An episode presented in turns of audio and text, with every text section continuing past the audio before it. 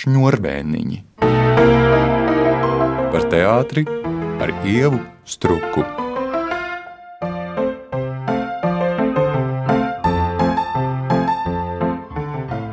Mans viesis raidījumā Šņurbēniņš šodien ir Latvijas Teātras darbinieku savienības radošo projektu koordinators Ričards Vorobjovs. Sveiks, Ričard! Sveiki, jau!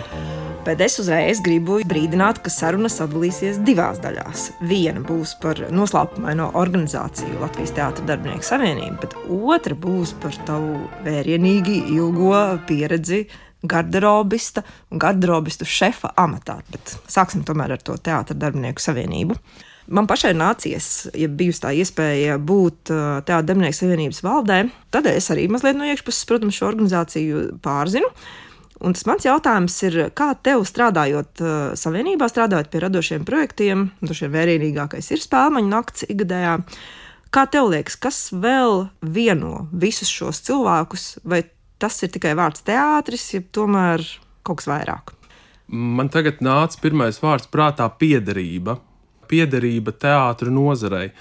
Un uh, neobligāti piedarība nozīmē, ka ir uh, katru dienu jāsazinās ar Teātras darbinieku savienībai otrādi, bet ka tu zini, ka ir tāda organizācija, pie kuras jebkurā brīdī, jebkurš tās biedrs var griezties. Un patiesībā ir jebkuru jautājumu, un tad mēs skatāmies, vai tas atbilst mūsu profilam vai arī neatbilst. Un kas ir šie jautājumi, ar kādiem tie cilvēki vēršas, nu, kas tev teiksim, nāk prātā? Jo intereses varētu būt dažādas visbiežāk saistīts ar veselību. Nu, ne tikai vecāku gadsimtu biedriem, bet arī jaunākiem pāris gadus atpakaļ.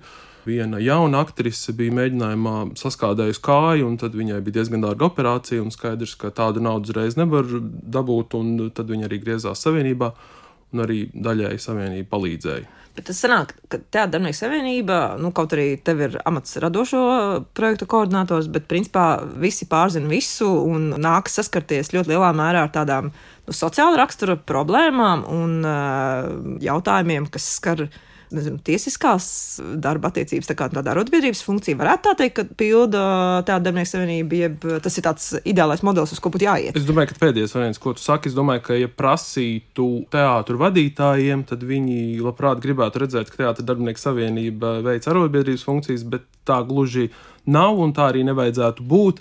Bet tas, kas bija interesanti, ko es arī lasīju mūsu statūtos, ka mēs, tāda darbinieku savienība, uzturam prasību pret valsti, ka viņi daļēji dotē lielos teātrus. Lūk.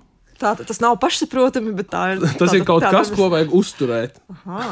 Bet tad tev ir liela atbildība patiesībā, ja tu izdomā nu, savienībai. nu, tu pārstāvi šobrīd savienību.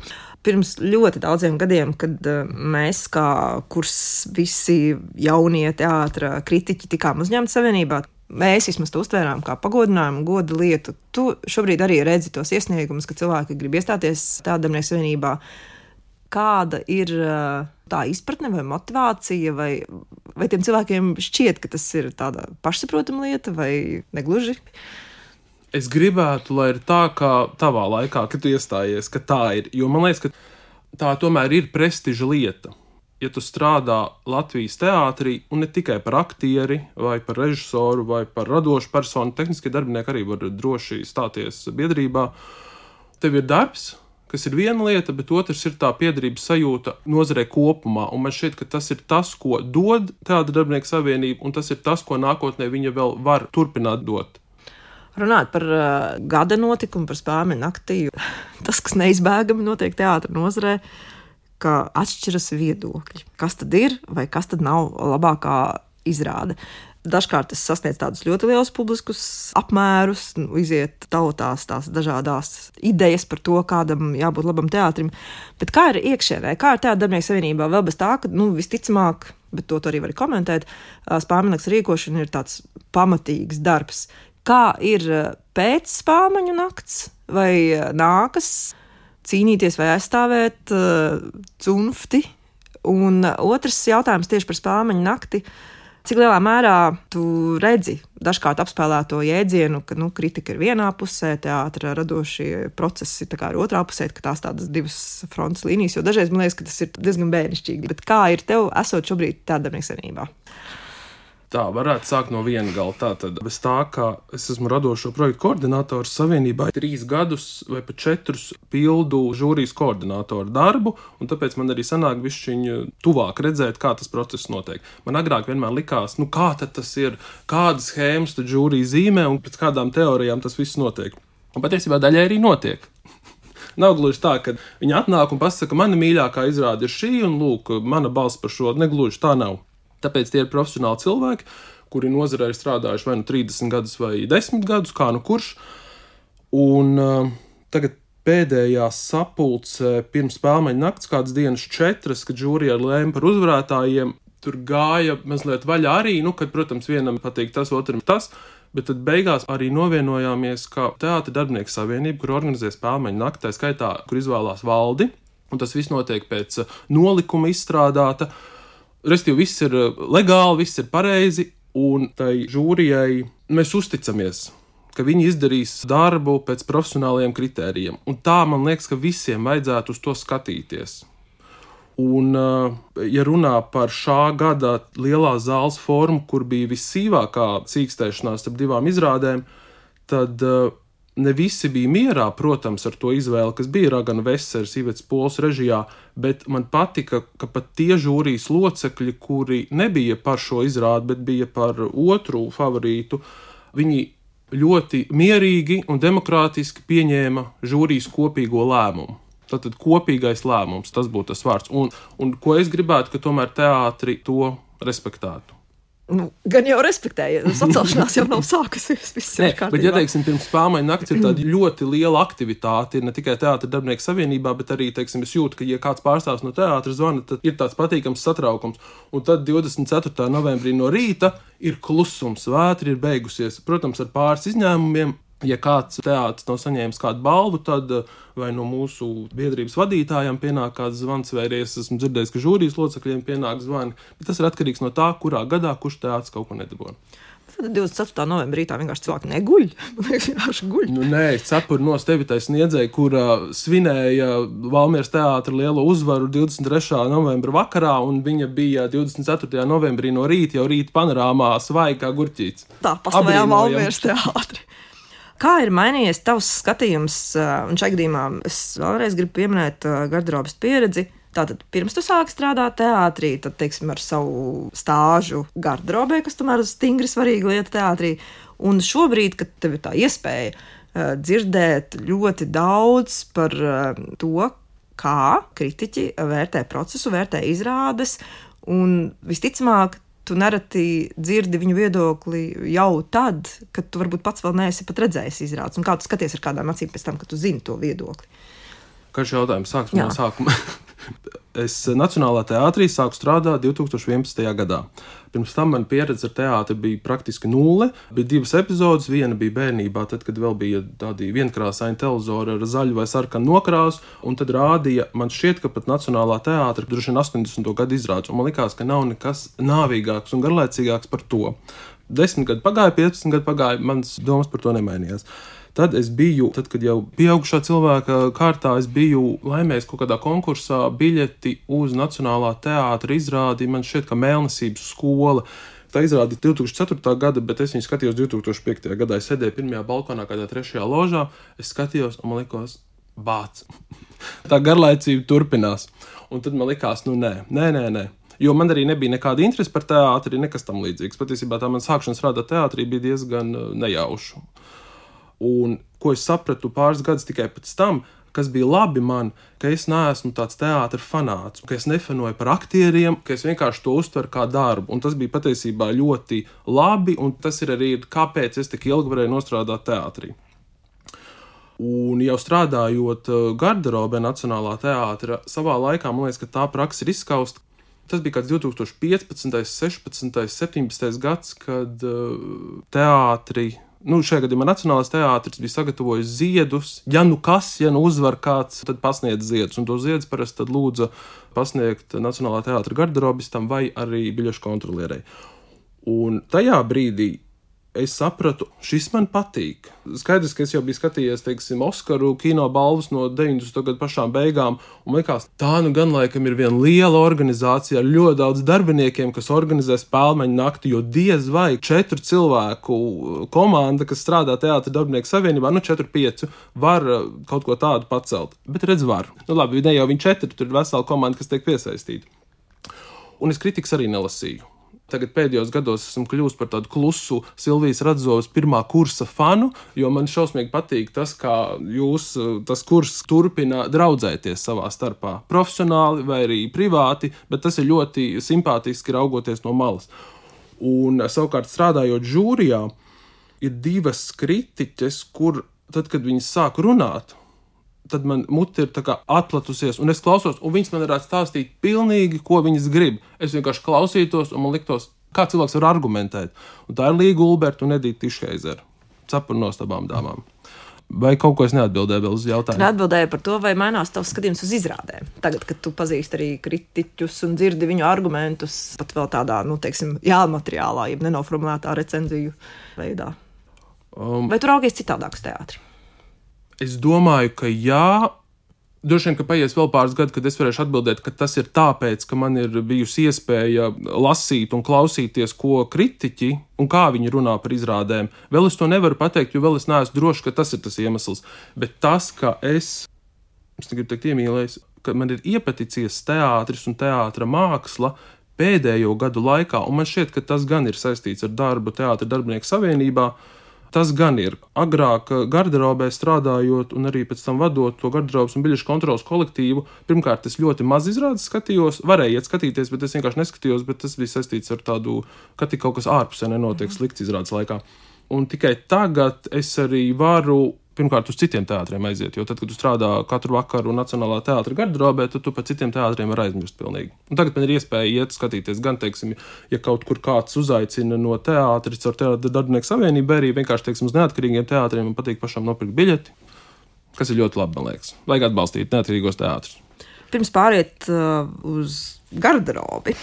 Jā, man ir jautājums tiešām par to kapacitāti. Es domāju, ka droši vien ir paudze, kurai ir priekšstats, ka tas ir līdzīgi kā tas bija padomu laikā, ka katra savienība tomēr bija tāda salīdzinoši spēcīga organizācija ar eh, daudziem darbiniekiem, kas rūpējās par tādu ikdienas procesu, un ka šodien tiešām tas uh, darbinieku skaits, liekas, visās radošajās savienībās ir sarucis nu, līdz tādam galējam uh, minimumam.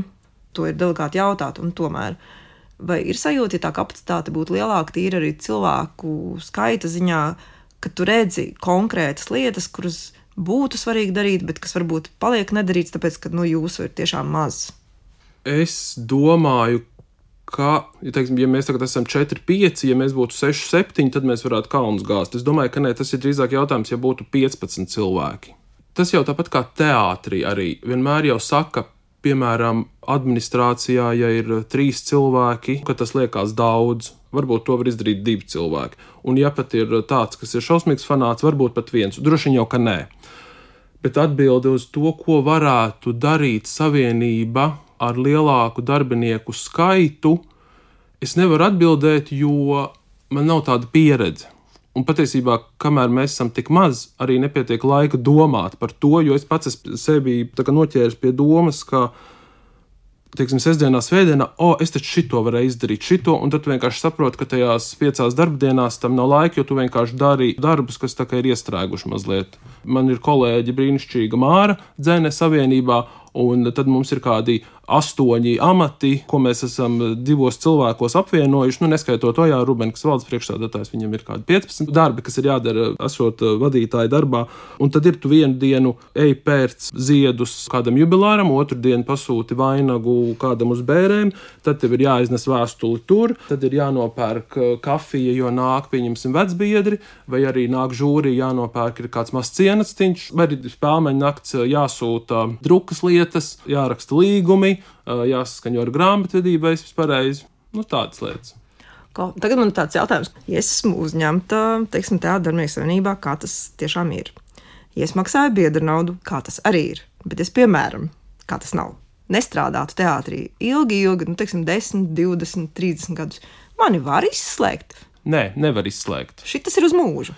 Šis ir uz mūžu. Ja tu reiz esi bijis piederīgs vai piederīga teātris nozarei, tā skatos mākslā, kā pareizāk būtu teikt, tad Teātris darbinieku savienība tevi neizsvītro tikai tāpēc, ka tu 10 gadus vai 20 jau nestrādā teātris nozarē. Kāda laba ziņa, kas, kas ļauj man brīvi pāriet pie tavas garderobas pieredzes.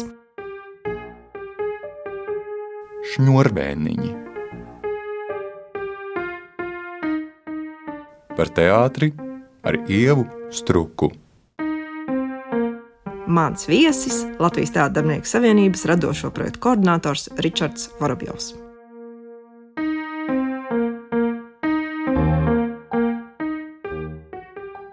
Nu, man jau pavisam uh, vienkārši jautājums. Sen bija jābūt droši vien tādai izrādē, repertuārā tādas vēl nav, bet viņi to būs, jo mēģinājumi aktīvi notiek. Proti, Klaus Mellis uzrakstīja Lūgu garderobisti, un Paula Pļauniec to iestudēja. Un pirmās izrādes jau ir izpārdotas, jo man ir sajūta, ka pat bez reklāmas katrs, kurš ir strādājis garderobē, vēlas šo izrādi apmeklēt. Vai tiešām garderobes darbs ietver sevi daudz dažādu dramatisku un dramaturgisku spēcīgu konfliktu un uh, sadzīvisku drāmu vai attiecību drāmu? Respektīvi, vai tev arī liktos, ka par šo var rakstīt ne tikai vienu lugu, bet vairākas? Jā, un es pat teiktu, ka dramatiskie notikumi ir stipri vairāk nekā tādi mīļie un pūkainie stāsti. Un eh, ne gluži viena izrāde, es pat domāju, tur varētu seriālus sagatavot. Mums pat bija pirms pandēmijas, man šķiet, ka Kaspars Zīguls bija Nacionāla teātra aktieris atnācis un jautājis, lai mēs tā kā apkopojam savu pieredzi ar skatītājiem. Tas man liekas, ka bija toreiz priekš teātra dienas koncerta vai kaut kas tam līdzīgs. Bet nu tā kā atnāca pandēmija un tas viss arī beidzās. Jā, es redzēju, ka Nacionālajam teātrim izrāda garderobistu, par ko man ļoti liels prieks, jo tā tomēr man šķiet ir profesija. Tas nav tikai tāds uh, laika aizpildīšanas darbiņš, un bija man šķiet Ainārs Ančevskis nofotografēts ar, uh, man liekas, 393. numuriņu, kurā bija pielikt zīmīti ar manu rokrakstu. Bija patīkami to redzēt. jo es agrāk, tad, kad numuriņi nozuda, es vienmēr pieliku zīmīti, lai mēs paši atceramies, kad un kāda situācija ir bijusi. Jo numuriņš maksā 10 eiro. Mhm. Un tam puisim, jā, bija tas gadījums, viņam bija kaut kāds 17 gadi, man liekas, un tas jau bija kāds 3 gadus atpakaļ. Uh, viņš bija izrādes laikā uzlicis uz pirkstu, nu, domājams, vienkārši lai nepazūd, un tad tas pirksts piepampa. Un viņš atnāk, un viņš tāds kautrīgs, un viņš saka, mēs jakas nevaram dabūt tāpat. Nu, nē, nu nevarat dabūt, kur ir numuriņš. Un viņš tā parāda to pirkstu, un pirksts ir tāds jau sarkanis zils. Un es viņam prasu, bet jūs mēģinājāt ar ziepēm? Nē, mēs fiksējām uz stultei, zem ūdens ar ziepēm, bet nu, viņš jau bija tik piepāms. Un es arī, ja godīgi nezinu, vai viņš viņu, nu, droši vien ir dabūjis nost, bet uh, cik ilgi tas pirksts tur vēl bija tāds piepāms, un, un kur tagad ir uh, nabaga 393. numuriņš, to es arī nezinu. Droši vien, ka pārgriezt un izkausēts. Bet tā taču ir traģēdija faktiski. Nē, nu ir divi varianti. Vai nu tu, nu, labi, tu vari ielikt numuriņu kabatā, tu numuriņu vari uzlikt uz pirkstu, bet neiesaku pēc šī gadījuma, un vēl tu numuriņu labāk ir neturēt uh, rokā izrādes laikā, jo Nacionālā teātrī zem skatītāja grīdas ir tāda tā kā ventilācijas uh, telpa, kur man šķiet ir sakrituši ne tikai garderobas numuriņi, turpat, cik es esmu dzirdējis, ir zelta gradzeni, 50 centīmi un vēl droši vien daudz kas tā kā tur ir tāda dārguma glabātuva nu, jāgaida rekonstrukcija, varētu, varētu teikt. Tā ir tāda skatītāja drāma, bet kā ar tām garderobas drāmām, eh, tā ir tāda tiešām sava republika, kur eh, ir arī hierarhija, vai kādas ir tās īpašības pēc tavām domām, nu, kas ir vēlamas, lai šis darbs sagādātu prieku sev pirmkārt, un tomēr arī tai publikai, kas nāk. Tas ir atkarīgs no katra cilvēka paša rakstura un katra cilvēka, kas nāk strādāt, uh, mērķi, kāpēc viņš ir nācis strādāt. Vienam tā ir nauda, otram tā ir, jo viņš ir teātris fans, trešam tas ir, es esmu, nezinu, Mārča Maņaka un Nacionālā teātra aktiera fane. Ceturtam ir mana māma lika, jo ir jāstrādā, piektam ir, man nav naudas, bet es studēju, vecāki man nevar palīdzēt. Un tas, ko es tagad nosaucu, no tā arī veidojās, cik katrs tas darbinieks atdod tam darbam. Un tas mans darbs ar jauniešiem ir, kā lai viņiem visiem kuriem ir dažāds mērķis, kāpēc viņi strādā. Tā kā tuvināt pie tāda viena kopīga, mazliet ideāla, ka mums patīk strādāt Nacionālā teātrī, mums patīk savs darbs, un mēs arī gribam saņemt par to samaksu. Nu, es zinu, lai kļūtu par garderobistu, ir uh, jāiztur zināms pārbaudījums. Tādā nozīmē, ka tev nu, ir jāatpazīst aktieri, lai neveidotos situācijas, ka nu, nes puķis uz skatuves un nekādīgi nevar sazīmēt. Kas tā pastāv citu ir diezgan sarežģīti, jo tur jau ir tā teātris burvība, ka tas aktieris spēja būt tādā grimā, ka nu, mīsīga māte droši vien nepazītu. Kā tu ar to cīnījies, vai kā tu to stimulēja, lai jaunieši atpazītu aktierus. Es tagad neatceros, kā sauc, bet tā bija Indras rokas izrāde. Noteikti man var palīdzēt. Migla droši vien, kur jā, bija jā. ļoti nu, tur, grims. Nu, tur es pat nebūtu man šeit atpazīstams, tad būtu jāiet uz kaut kādiem mēģinājumiem, jāskatās. Par ziediem tas patiesībā ir mīļš temats, bet jāatgriežas pie sākuma, kad cilvēks nāk uz pārunām, un tad es viņam uzdodu šos jautājumus. Tātad, cik labi tu pazīsti Nacionālā teātris aktierus? Jā, jā, pazīstu, pazīstu. Vai tu zini, kas ir Dita Lūriņa? Jā, jā, jā. Vai tu zini, kas ir Ivars Kļavīnskis? Jā, jā, jā.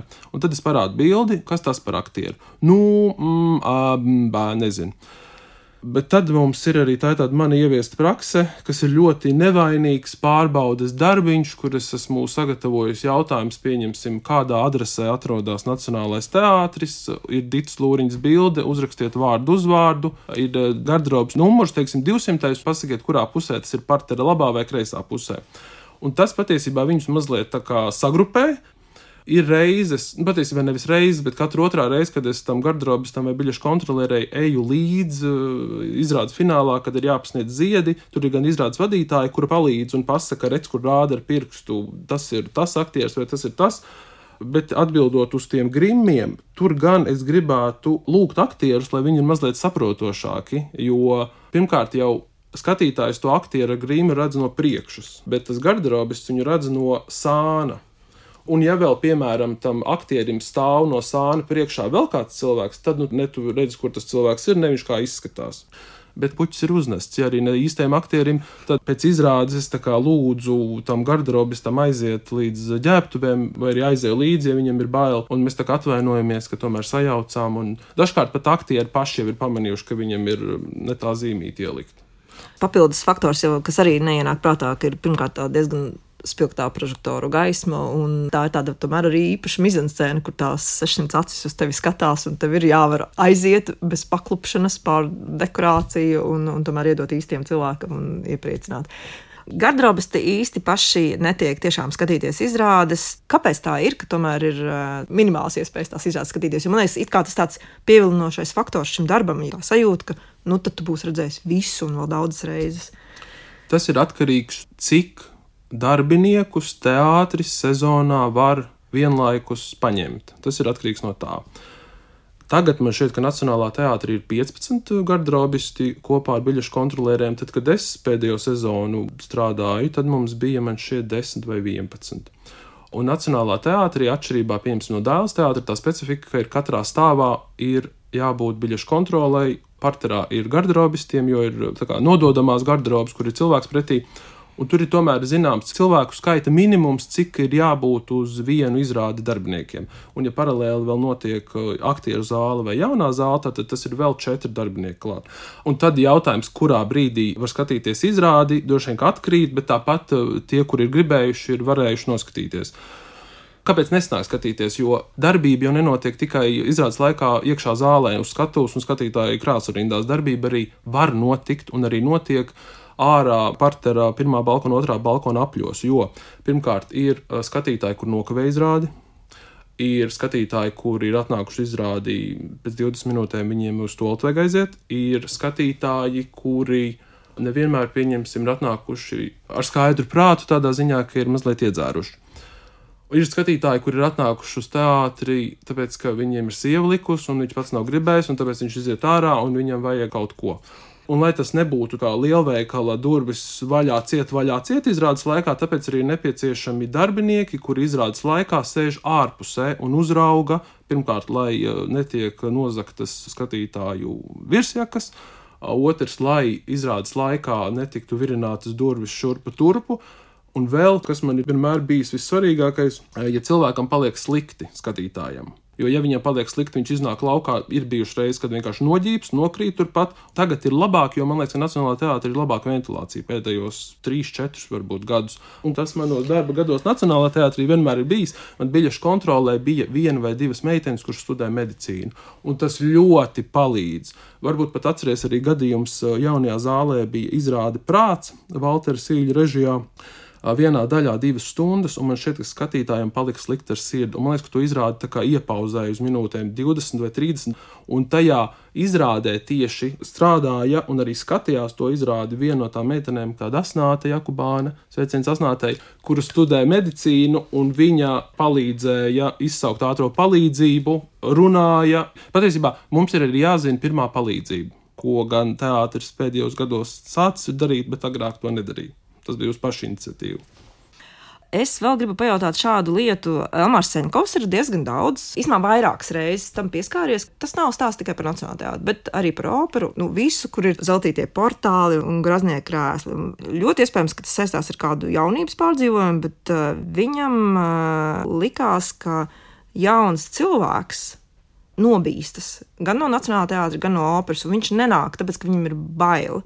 Kā ir ar tiem jaunajiem cilvēkiem, kā skatītājiem? Jo to man liekas, tieši garderobē arī ļoti labi redz, kāds ir tas apmeklētāju kontingents. Vai viņa bailēm ir pamats, ka tie jaunieši tiešām neapmeklē teātri, tāpēc, ka viņiem liekas, kā tad nu, viņš tur tā savā krosenēs un džinsos nāks? Skaidrs, ka tad, kad tu ieved operā vai nacionālā teātrī, piemēram, 20 gadīgu jaunieti, kurš šeit ienāk pirmo reizi, un viņš jau nebūs uzvalkā visdrīzāk, tas ir atkarīgs no tā, kā viņš ir audzināts ļaujat jauniem cilvēkiem pirmo, otro, piekto reizi uz teātri atnākt eh, savās drēbēs, kādās viņi vēlās, un varbūt uz 15, 20 reizi, kad jau viņi būs redzējuši to vidi, viņi kā sapratīs, o, oh, varbūt man mazliet ir zolīdāk jāsaķērbjās. Ko, bet tavs aicinājums ir vecākiem? Jo tie pieskata vēl, ko tas jaunietis uzvelk mugurā. Nu, cik es no savas bērnības atceros, man māte ģērba līdz kādiem gadiem, 10, 11, 12, un tad tu droši vien sāc pats saprast, vai tev šis džempers patīk vai nepatīk. Bet, respektīvi, ja kāds domā, ka 16 gados vajadzētu iet uzvalkā uz izrādi, tad visticamāk, tur, nu, nezinu, skola ir pieliks rokai vecāka, jo droši vien viņš pats jau neuzvilkt. Jā, bet arī droši vien aicinājums jauniešiem mm. nevajag baidīties no zolīdām drēbēm. À, tas pat tādā nozīmē, ka vairāk jauniem cilvēkiem nebaidīties no tā. Nebaidīties. Mm -hmm. Vienīgais tas jautājums ir, kā viņam to pasniegt. Mm -hmm. Tas mans piemērs bija tas, ļaujiet viņam 20 reizes aiziet, un viņš ieraudzīs, ka cilvēki nāk smukās drēbēs, un tad varbūt viņš arī. Es droši vien, ka tā izdarītu. Man pašam varbūt būtu nērti, ka es esmu atnācis botēs, un katrs trešais ir smukā kleitā un uzvalkā. Noslēgumā es gribu pajautāt šādu lietu. Es zinu, ka garderobisti nav paši pirmie, kas izskrien no teātra. Viņam ir jāredz, nu, vai kāds nav, kā jau saka, teātris fans palīdz zem krēsliem un nepaliek pa nakti. Līdz ar to pa tiem vēliem vakariem teātrī. Kāds ir tavs priekšstats, kas naktī notiek teātrī? Un, protams, mans diezgan bieži uzdotais jautājums par šņurbēniņiem. Vai tu esi bijis, un ja esi, tad ko tu tur esi saredzējis tajā vēlajā vakarā, vai arī kāds ir tavs priekšstats, kas tur notiek, ja tu neesi tur bijis. Es esmu tur bijis, bet tā kā tu pati zini, teātrī, īpaši, kad tu tikko sāc strādāt, ir ļoti daudz noteikumu un ļoti daudz nē, ko tu nedrīkst darīt. Un viens no tiem bija nekāpt šņurbēniņos. Protams, tad, kad tu pastrādā pirmo, otro, trešo gadu, tad tu ar kāda cita kolēģi, kurš ir strādājis ilgāk, ne obligāti no garderobas nodaļas, bet uh, piemēram, izrādes vadītāji, kur tu strādā, viņi man jautā, vai tu esi bijis šņurbēniņos? Ah, nē, es neesmu bijis tur, nedrīkst kāpt. Nu, nāc, es tev uzvedīšu. Es tur esmu bijis, man liekas, kādas divas reizes, bet uh, var tikai apbrīnot to. Tehniski šņurbēniņos ir jābūt visam sakārtotam, lai, pasak Dievs, kaut kas neuznāktu aktierim uz galvas izrādes laikā. Un es vismaz neesmu 11 gadu laikā, kopš biju strādājis Nacionālajā teātrī. Es nekad nebiju redzējis kādu gadījumu, ka kaut kas būtu uzgāzies no augšas nākot. Tā, kā, tā ir droša vieta, nevajag obligāti visiem iet katru dienu pa simts cilvēkiem un atbild jautājumu, kas notiek naktīs. Es patiesībā neesmu par to domājis, bet es par to domāju tajā brīdī, kad, pieņemsim, iepriekšējā vakarā esmu uzlicis lādēties biļešu skeneri, un viņš nākamā rītā nav. Tas ir noticis pa nakti. Tad jautājums, kas notiek pa nakti? Nu, biļešu skeneri paši no rozetes izvelk savu lādētāju un kaut kur dodas. Tāda būtu mana atbilde. Nu, ar šo intriģējošo atbildi mēs arī varam noslēgt uh, raidījumu, kurš notika pietiekami drošā vidē, radio studijā. Tas bija raidījums Šņurbēniņa. Mans viesis bija Latvijas Teātras darbinieku savienības radošo projektu koordinators Ričards Vorobjovs, kurš pie reizes ir arī ilgadīgs Nacionālā teātra garderobists un garderobistu šefs. Paldies, Ričard, ka atnāci uz sarunu. Paldies, Ieva! Un gaidām Nacionālā teātra izrādi garderobistu. Par teātri ar Ievu Struku.